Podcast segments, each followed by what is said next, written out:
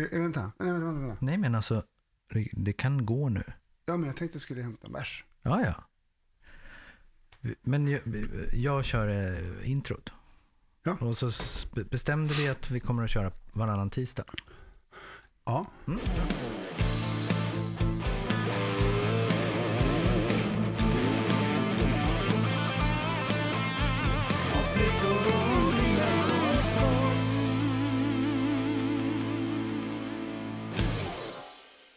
Hej, välkommen till ännu ett avsnitt av Om flickor och bilar och sport. Det är jag, Allan Sundberg, och min gode vän Tony Johansson. som sitter på hos Tony Johansson på Gullmarsplan som vanligt. Och vi har tagit en liten öl för att smörja upp munlädret. Mm. Eh, hur är läget Tony? Jo, men det är skitbra. Härligt. Ja. Hur är läget med mig då? Ja, Hur- det är helt okej. Eh, Rätt schysst alltså. Ja, det är rätt schysst. Fan vad tråkigt att eh, Sweden Rock blev inställt. Det var det verkligen. Det har ju varit eh, ett i princip stående inslag i ens liv. Hur många gånger har du varit där? Eh, Jag var där eh, 17 år sedan 99 var första året. Och jag har missat ett par år. Eh, främst på grund av att jag har blivit pappa vid två tillfällen. Så att det är väl Jaha, laga förfall får man väl Den kalla det gamla för. bort, bortförklaringen. Den går vi inte på. Ja, Men jag har nog också varit där en sex, sju eller åtta gånger. Men jag har ju varvat Sweden Rock med Roskilde genom åren. Så jag har ju ändå fått min beskärda del av högkvalitetsfestival. Du har varit ute efter lite mer choklad. Yeah, mandelmässenässe. Precis. Det är så jag jobbar. Ja, nej, så det, det är ju otroligt tråkigt att eh, det blir inställt i år eh, på grund av den här pandemin. Men eh, vi får väl hoppas att det kommer tillbaka nästa år. Eh, Jag har biljett Du har biljett till redan? nästa år. Ja, Alltså jäklar. den årets ja, biljett. Ja, han inte Gäller ju till biljett. nästa biljett. Precis. Så får vi se vad det blir för line-up då, om det blir av. Men eh, festivalia, vad är, vad, vad är bäst med festivaler tycker du? När man har kommit upp i vår eh, liksom, ålder och skaffat familj och allt sånt där så är det ju hela grejen att få häng... Att slippa dem. Ja, precis. Nej, det är hela grejen att få hänga med sina bästa vänner i flera dagar, oavbrutet, dag och natt. Och bara, du vet, man går in i festivalbubblan Mm. och där är det liksom som ett eget universum. Och alla liksom vardagliga problem eller saker, de, de är liksom lite utfiltrerade. Precis. Nej, men det är väl eh, det jag tycker är bäst är det, är det också egentligen bara att få flyta runt, eh, hänga med polare, glida runt och eh, man har alltid den här listan på de här, de här 22 banden måste jag se och det slutar att man har sett 12. Eller inget Eller ibland. Ja. Och sen vet man, att det är fyra dagar, onsdag till lördag. Eh, en dag går alltid bort för att man har missbedömt ölintaget. Ja, eh, och ligger och sover i en, en Jag har en, träsäng en klassisk någonstans. sån här missa band-story från Roskilde 94. Då var jag där och min jättegode vän Johan Ejemark, han hade ju strykit med gulpenna allt som skulle ses. Mm. Och då var det liksom band som inte ens festivalledningen hade hört ännu, på den nivån. eh, när, när Johan bestämmer vilka band han ska se. Mm. Han drog med hela gänget, vi var så här tio pers. Ja, vi ska se ett nytt svenskt band som heter Bob Hund. Då drog han med oss till något tält där det stod något slammerverk och någon som stod och brölade på skånska. Och, och då, jag är den som säger till Johan, Johan när har det här skämtbandet slutat lira och när ska Bob Hund börja lira? ja, det här är Bob Hund, sa han. Och jag älskar ju Bob Hund idag, men då förstod jag dem inte. Så lite senare den dagen så sitter vi vid en lägereld. Man kunde ju elda på Roskilde på den tiden. Innan de skaffade brandvakter på campingen. Sitter vi där och då säger Johan, jag ska iväg och se Radiohead. Och det var när Radiohead var ute på sin The Bands turné. Och jag hade inte hört om det. Så då sa jag, du kan ta ditt jävla Radiohead och köra upp i röven Johan. Jag går inte med dig och ser något mer band. Och Radiohead är ett av mina favoritband idag. Så från den, liksom det uppvaknandet så tar jag alltid rygg på sådana som Johan som Mm. vet vilka band som, som man, liksom nya band eller liksom saker som man har missat och, och det är det som är en festival. Det är som ett smörgåsbord och någon säger testa den här sillen och så testar man Ja. den och så är det magiskt. Ja, precis, sen är det ganska sällan det är magiskt. Eh, jag har, mitt magiska exempel från just Sweden Rock är 2003, Danko Jones. Ah, Där då en i campinggänget eller husbilsgänget där på båtklubbscampingen säger att ni får inte missa Danko Jones. Och där upptäckte Danko Jones och eh, It's still a love story mm. så här 17 år senare. If you wanna do it, do it right.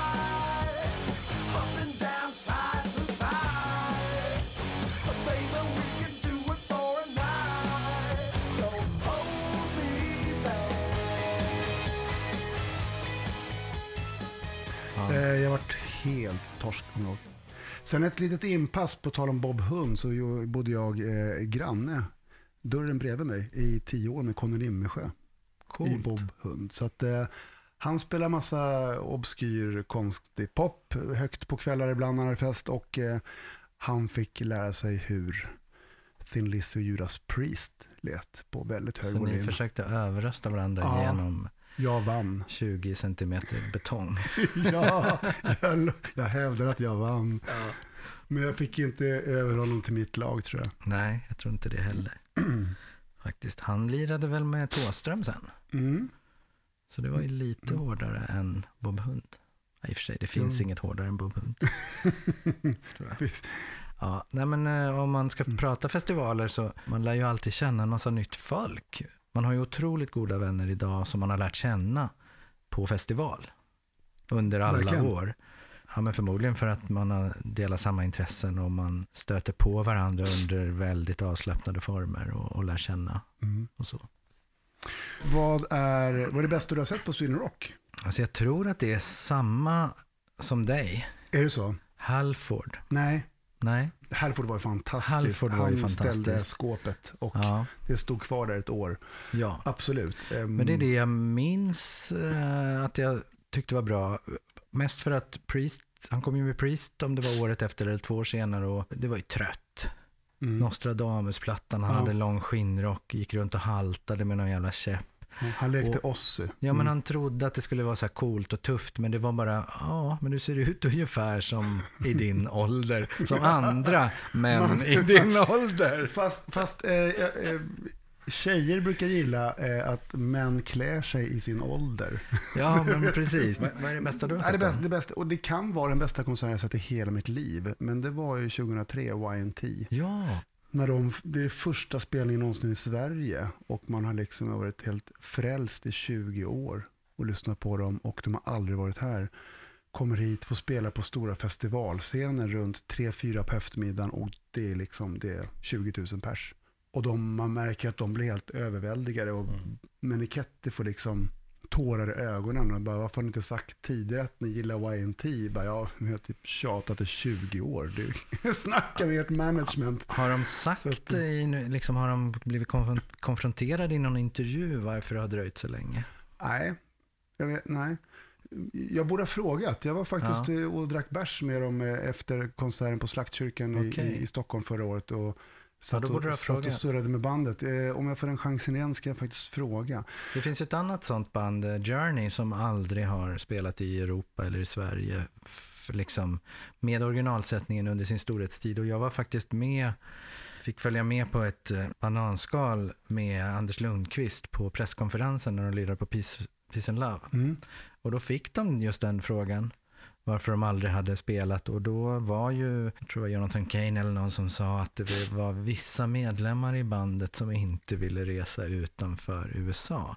Och då är ju förklaringen att bara med Steve Perry som de inte har spelat i Europa. Mm. Så han var Mm. inte så intresserad av att resa utanför. Ja, och eh, där kommer vi in på sådana som vägrar lämna USA generellt. Eh, och Sweden Rock. Han som startade allt, eh, Ingolf Persson, hans stora favoritband är Cheap Trick. Just det. Om jag inte minns fel så var Cheap Trick i Sverige runt 77-78 på Göta Lejon.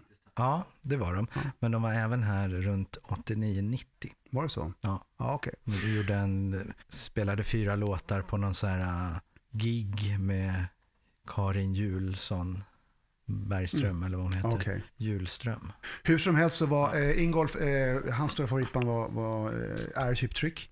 Och han har berättat i en intervju att han har gjort allt för att få över dem till Sweden Rock. Han har erbjudit dem ett eh, större gage än något band någonsin har fått på Sweden Rock. Och då kan man tänka sig att de ändå haft Aerosmith, Black Sabbath, Kiss, Iron Maiden, Judas Priest, The Rush. Sådana band, men han har erbjudit Cheap Trick ännu mer pengar och erbjudit dem att vi hämtar dig med, er med flygplan och ni landar i Blekinge, sen skickar vi hem er igen. Men de har bara valt att ligga kvar hemma i Rockford, Illinois och eh, lösa korsord och eh, dra in eh, amerikanska stimpengar. Stålars. Jag vet inte. Eh, väldigt tråkigt, men eh, Cheap Trick, nu ska de ut på turné och i Europa. Och det är ju fantastiskt stort. Eh, så att, Ja, det är så jävla coolt för du påminde mig för en timme sedan att jag Att också du har biljett till det. till det. ja, vi hade ju glömt bort. Eh, de spelar alltså på Shepherd's Bush i London 15 april nästa år. Och det är liksom nästa konsert jag ska gå på Ja. som jag vet. Det är, det är Cheap Trick i London om, om, om eh, nio månader. Ja. Men du hade väl sett dem? Jag har sett dem. Jag såg dem, eh, jag såg dem 94. Eh, jag var över i USA och såg fotbolls-VM.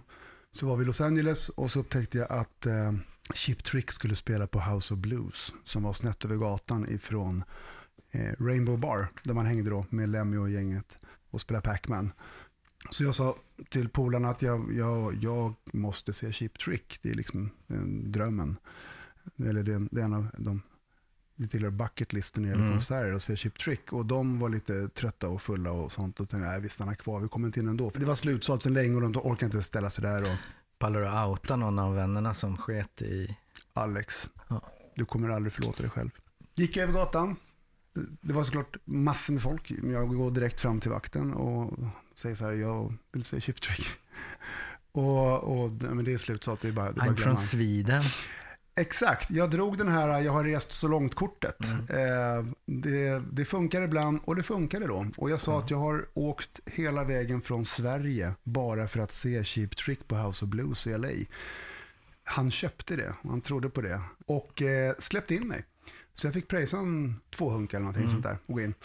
Och det var ju så häftigt för att det var, det var fullpackat. House of Blues var att du hade liksom ett, ett, ett golv, ståplats ner till och så hade du som en balkong. Det såg ut som en sån här klassisk, eh, som Shepherd's Bush, Bush Mm. dit vi ska i, i april då förhoppningsvis. Eh, Där jag såg Sparks för ett par år sedan. ah, När de körde hela Kimono My House.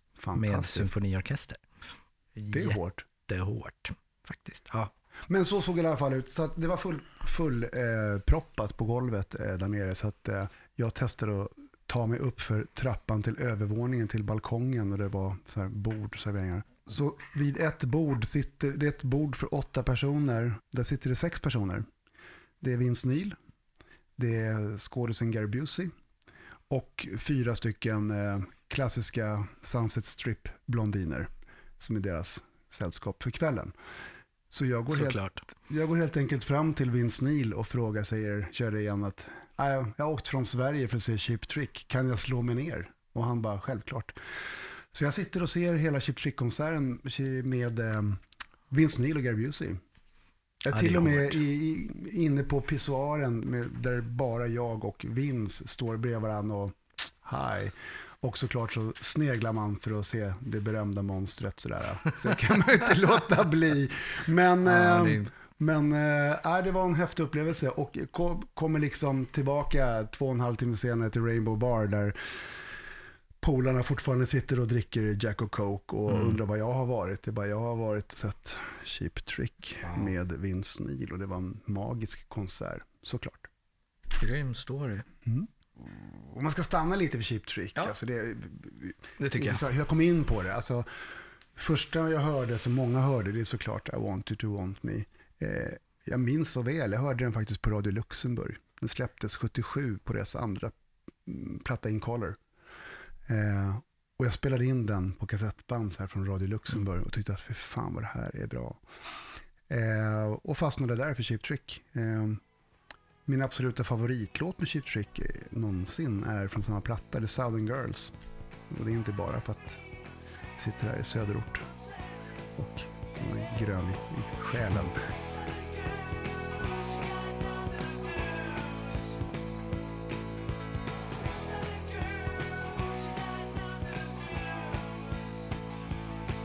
Surrender, är det på, kom den senare? Eh, Surrender är, väl på den nästföljande plattan eh, Heaven Tonight. Eh, oh, hoppas jag inte har fel nu, men Nej. jag säger det. Men som, som, som vi har bestämt att det här är en, ett samtal om eh, saker, inget jävla uppslagsverk. Så det gör inget om du har fel. Nej, men jag, sku, jag, jag tror till och med att eh, det kan vara öppningslåten på, på Heaven Tonight som släpptes 78. Och plattan efter det, Dream Police, släpptes Oj, oj, 79, oj, oj, också fantastiskt. Sen började de tappa lite grann där, men Mm. de, de där tre skivorna är ju magiska från början Ja. till slut i princip. Så, och sen har vi då At Budokan, deras live från 79, som jag rankar topp fem liveplattor någonsin. Får man höra den eh, topp 5-listan? En topp fem-lista är alltid minst tio plattor, det vet jag, till att ja. börja med. Plus att den sen- alltid är en ögon, ögonblicksbild. Bäst, bästa liven, eh, Strange in the Night, UFO. Den är outstanding tycker jag. Eh, näst bästa Live in Dangerous, med Lissy. Sen har vi att Budokan ligger där. Eh, Jura Heap-liven, är 72. Mm. Magiskt bra. Är fyra. Eh, 74. Nej, det är fyra. Ja, det är fyra plattor ja. Yes. ja. Eh, en femte liveplatta, Kiss Alive. Made in Japan. Jag skulle klämma in Ramones It's Alive där någonstans Ja, också. du ser, det blir ju Ja, tio. det- en topp ja. fem-lista är tio. Ja. Bra. Det var en bra lista tycker jag. Eller hur? Och det var... men hörru, jag vet inte om det här är hur officiellt det här är, men jag har hört att anledningen till att de inte, Cheap Trick, har spelat i Sverige är ju att när de var här 89-90 så råkade basisten göra en flicka på smällen. Och att han håller sig utanför Sveriges Mm. gränser på grund av att inte bli eh, underhållsskyldig. Mm. Så. Man kan ändå tycka att han borde ha råd med det. Han borde ha råd med och det. kanske borde vilja Och träffa sitt sen barn. borde det vara preskriberat nu. För det, det är ju för fan 20... Det fan för, det är vadå, trett- 80-tal? Vi- vi Nej, alltså 89-90. ja, det är, ju- det är 30 det är år sedan. 30 år sedan. Ja, så det är ju Ja. jättemärkligt. Vet du vad Joe Strummer i The Clash hade för sig 81 när de hade planerat in en turné i Skottland som inte sålde så bra? Nej, men jag gissar att du kan berätta det för mig. Ja, men alltså vad, enligt storyn då så var managern hade lite kalla fötter, det, det sålde inget. De i bandet sa, ja men nu vet ju hur skottar är, de pröjsar ju och kommer samma kväll liksom. De köper ju, ingen köper förköp. Men då beordrade han Joe att eh, försvinna, gå under jorden. Åk till Austin, Texas och sen kan vi ställa in hela skiten och hävda att du är försvunnen. Och Joe försvann och var borta skitlänge. All, många i bandet var oroliga. Men sen helt plötsligt dök han upp i något, jag tror det var i något reportage i någon tidning, för då hade han sprungit Paris Marathon. Oh, och det var, hans, sådär? ja, och det var Mm. hans andra maraton. Så han sprang London Marathon två gånger under sin livstid och Paris Marathon. Och han hävdar att eh, om man ska liksom förbereda sig för ett maraton som honom, då ska man inte springa ett jävla steg fyra veckor innan. Och så ska man grunda med 10 pints kvällen innan. Och sen bara köra. That's my runner. Ja. Precis, och don't try this at home, som han säger. och då skulle jag osökt vilja prata om eh, andra artister som också har varit duktiga på idrott. Där Ja. ja, och då har vi eh, kanske snarare... Karl-Erik Kacka Israelsson, född 1929. Han Mm. dog i januari 2013. Väldigt tråkigt, men någon måste ju göra det också. Kacka Israelsson, han tog guld i 110 meter häck 1952. Alltså SM-guld. Och eh, 1951 tog han SM-guld i längdhopp. Och han var även med i OS i Helsingfors 1952 och kom sjua i längdhopp. Är det sant? Ja, de flesta av oss känner ju till honom för hitten Gamle Svarte. Gamle svarten kamrat på vida färden Gamle svarten den bäste här. Exakt. Jag tror det var han som sjöng Då går vi ner i min källare också. Ja, där lever vi sällare och Ja. där tar jag fram min gamla ångmaskin. Ångmaskin. Jag skulle vilja nämna ytterligare. Idrottsmän som, som satsat på musik. Ja, Vi Ja. har ju mardrömsexempel som Pernilla Wiberg, It's Ja. a privilege. Eh, det var inte ett, ett privilegium att få höra den singeln kan jag säga. Snoddas.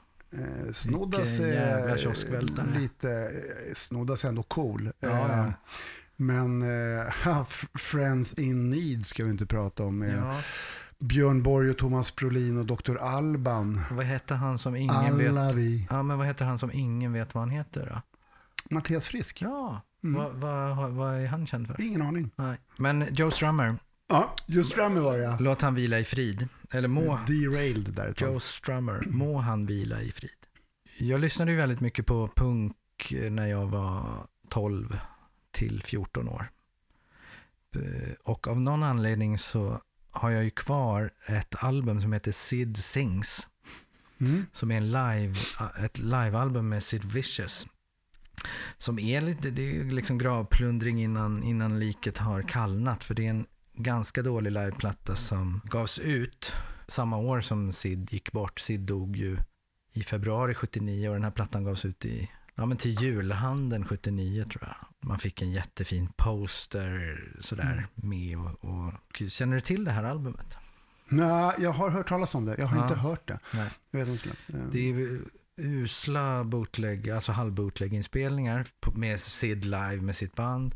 Och sen två av låtarna är från en Sex Pistols-konsert i England. En matinékonsert där de två sista låtarna, då gick Johnny Rotten ut i publiken och var tomte till alla barnen de spelade för. Vilken och därför-. Ja. Och därför sjöng Sid de två låtarna. Så de två låtarna hamnade på den här skivan. Och sen var ju eh, Sid i eh, Paris och spelade in My Way Mm. med franska studiomusiker. Mm. Och den, Grym version. Ja, grym version. Grym version. Och den versionen är med på den här plattan, fast de har lagt på lite publikljud.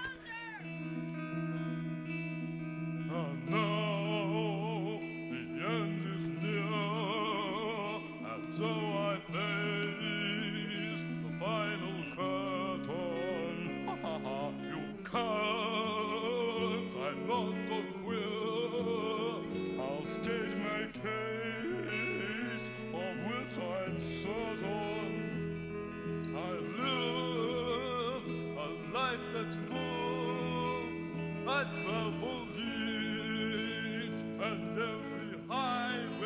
Och det är exakt samma inspelning som sen Steve Jones overdubbade gitarr på.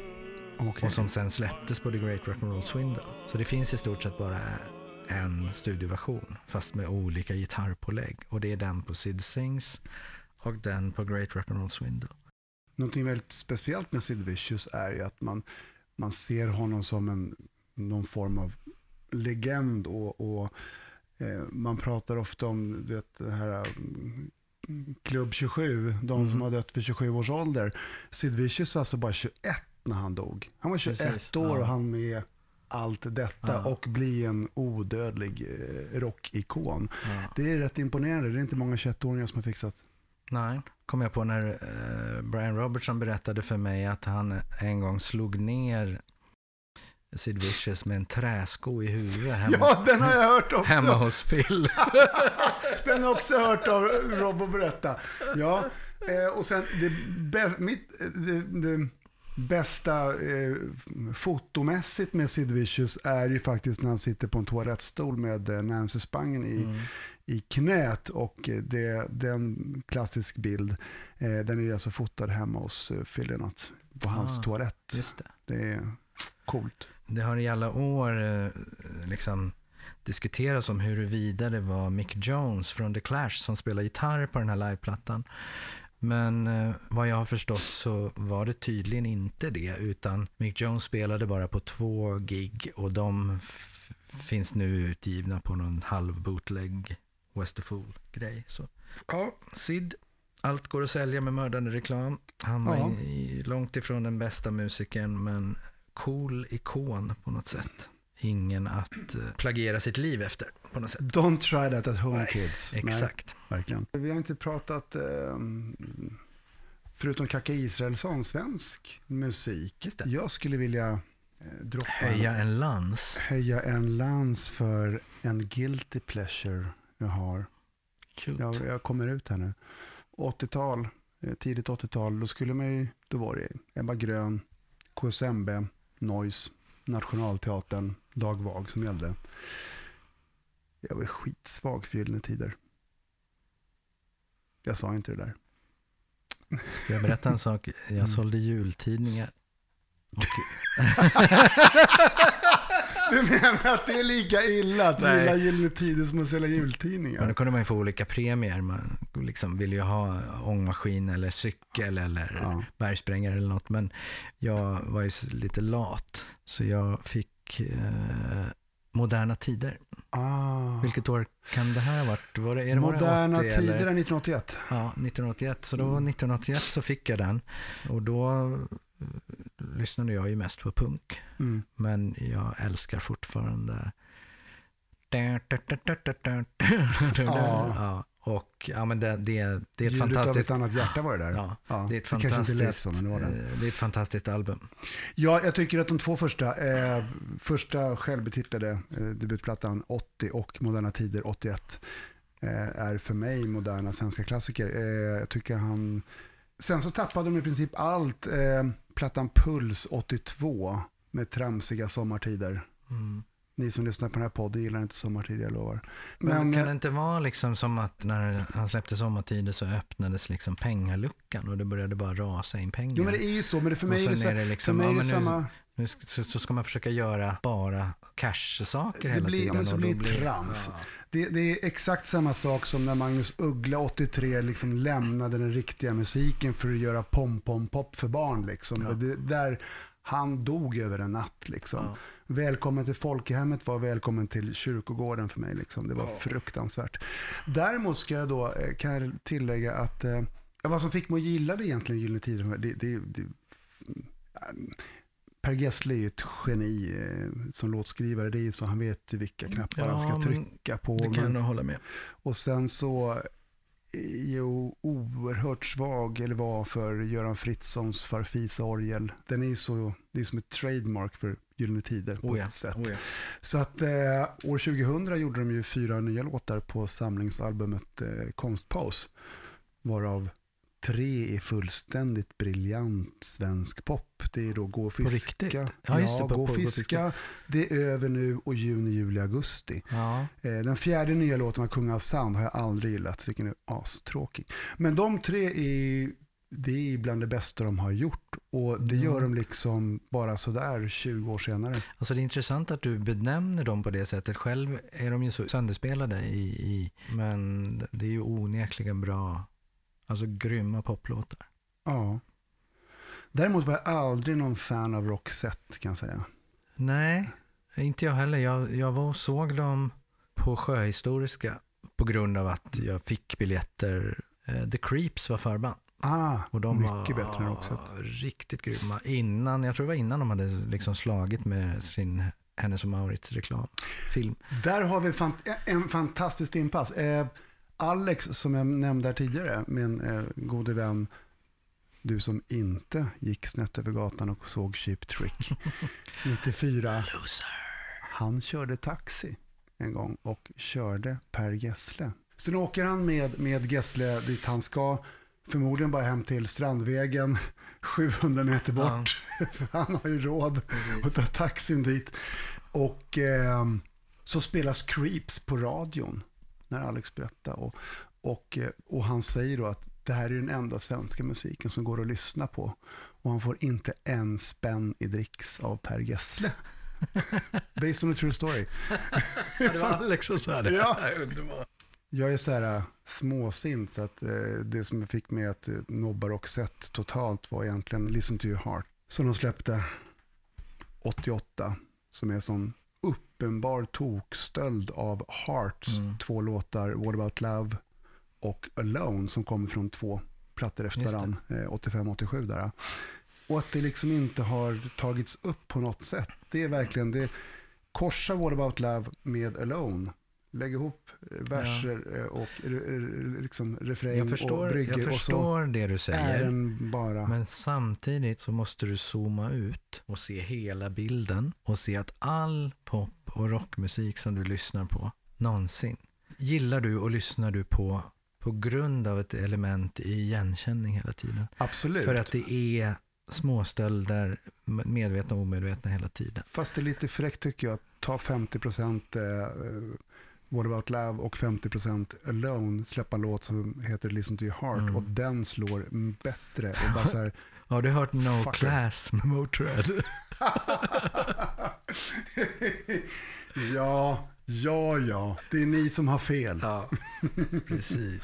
Jag skulle vilja slå ett slag för det japanska punkbandet Guitar Wolf Mm. från 87. De är coola. Ja, de eh, kör någon slags garage-rock, punkrock och de ser ut som Ramones, solbrillor och liksom eh, de säger själva att de kör jet rock'n'roll efter sångerskan John Jett. Och eh, originaluppsättningen bestod av Guitar Wolf, Drum Wolf och Bass Wolf. Ja, Alltså gitarristen heter Seiji, eh, basisten Billy och trummisen Tori.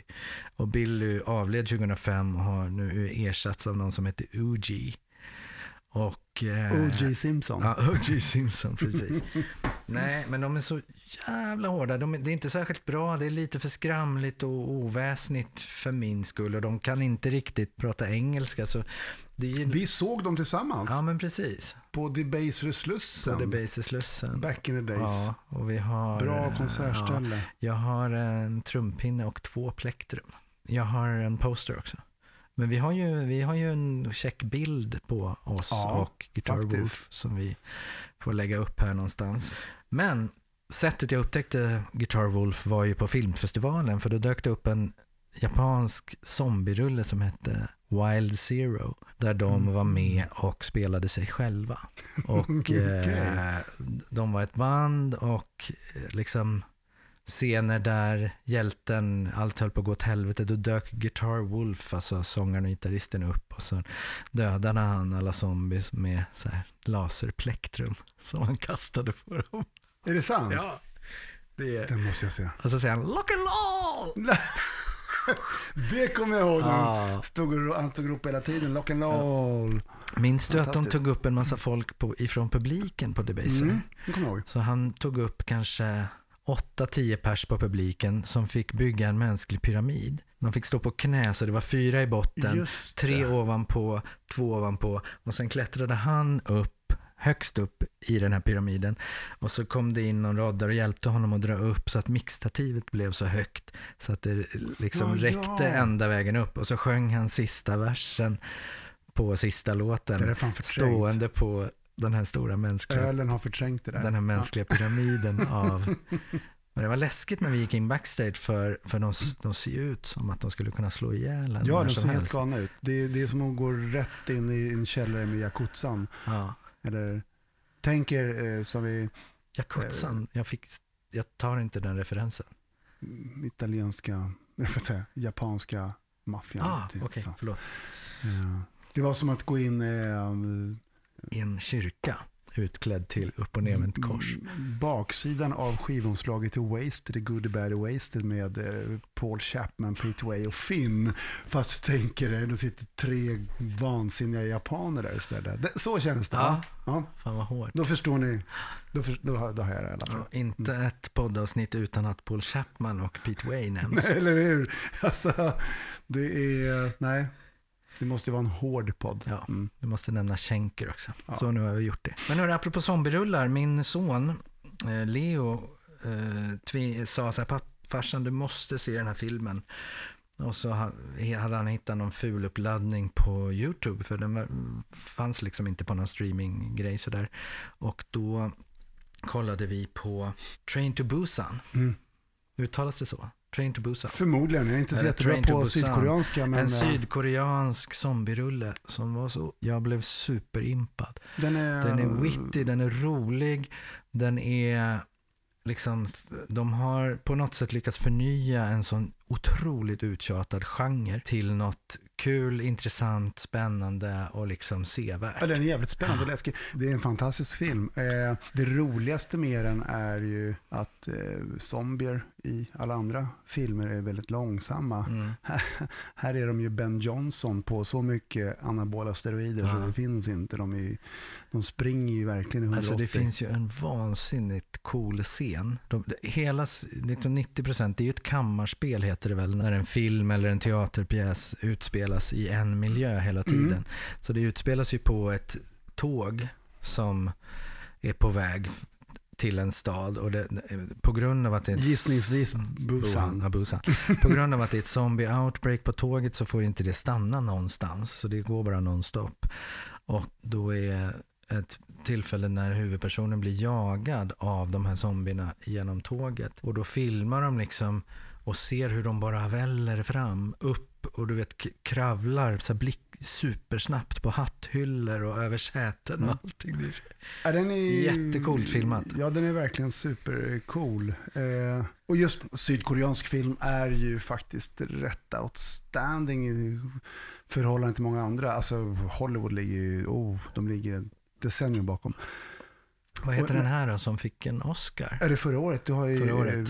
Parasit. Parasit. Parasite. Det är Ja. första filmen, eh, icke-amerikanska filmen som Ja. vinner en Oscar för eh, Men den är sydkoreansk. bästa. Det är sydkoreansk, eh, det är Bong Joon-Ho gjorde den och sen har du liksom, du har ju Oldboy, Chan-wook Park också gjort väldigt många fantastiska filmer. Mm. Och du har en annan som heter Yoon Ho Bong. Regissören har gjort eh, Memories of a Murder bland annat. Och, Okej. och eh, Mother. Eh, Ja. Nej, det är, sydkoreansk film är grymt jävla bra. Alltså. Ja. Det är Fick ni sjukt lite filmtips här då? Då kan vi säga så här, på tal om film, för att liksom få återvända till, till rocken. Cheap Trick gjorde låten Mighty Wings till Top Gun 1986. Just det. Och den som inte har sett Top Gun, eh, ni kan stänga av här och nu. Mm. Eh, men det är ju faktiskt den bästa låten i filmen. Alltså alla de kommer ju liksom Jag efter gillar ju texterna Steve. Stevens instrumentala låt. Just det. De som slog bäst var ju, alltså de, de släppte, jag tror de släppte tre singlar. Den första var ju såklart då Danger Zone, Kenny Loggins. Där snackar vi typ One Hit Wonder, i alla fall för Mm. oss i Europa. Eh, och sen var det då Take My Breath Away med Berlin. Footloose, var inte det Kenny Loggins? Det var Kenny Loggins, Ja, exakt. det var ju också Kenny en Loggins. jävla smash hit. Ja, Two fast den var inte wonder. så jävla bra. Nej, Däremot men det så var en är. Kevin Bacon fantastisk. men eh, det, det, är en, det är en helt annan podd, känns det Ja. som. Men, Kevin eh, Bacon-podden. Mighty Wings med Cheap Trick släpptes som tredje singel. Från eh, filmen Top Gun. Mm. Eh, och jag tycker det är den bästa låten. Inte bara för att jag älskar eh, Cheap Trick, men eh, eh, Kenny Loggins, eh, hans Danger Zone var ju den som folk känner igen bäst. Ja. Och intressant då med film också är att eh, Kenny Loggins eh, blev faktiskt erbjuden roll, den manliga huvudrollen i A Star is Born 1976, som var då den första remaken på originalet från 30-talet, eh, mot Barbara Streisand.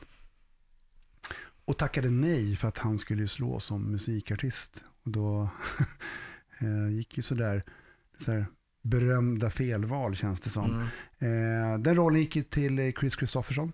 Har ni inte sett The Star is Born med Barbara Streisand och Chris Christopherson så kan jag säga att den är ju bättre än den andra remaken som kom för två år sedan med eh, Lady Gaga och Bradley Cooper.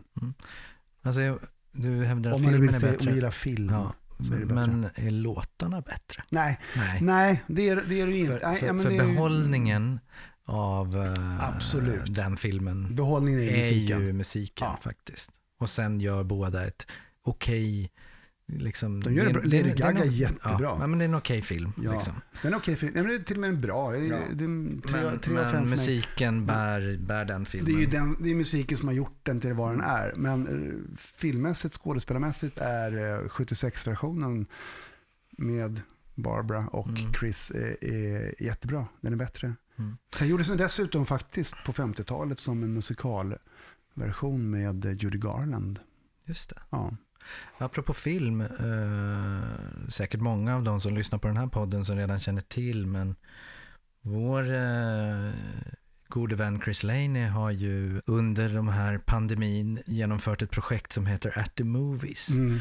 där han tillsammans med två av eh, Det är en kulturgärning av rang. Ja. Mm. där han tillsammans med två av sina gamla Pretty Maids-polare och eh, tillsammans med Pontus Egberg, Pontus Norgren och eh, Linnea Wikström och Björn Strid med flera med flera har gjort nyinspelningar av 80-tals filmlåtar. Mm. Så kolla in det på, på YouTube, at the movies.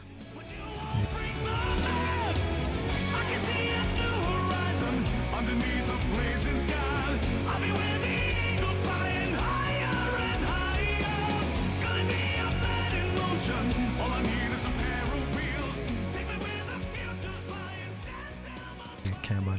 Ja.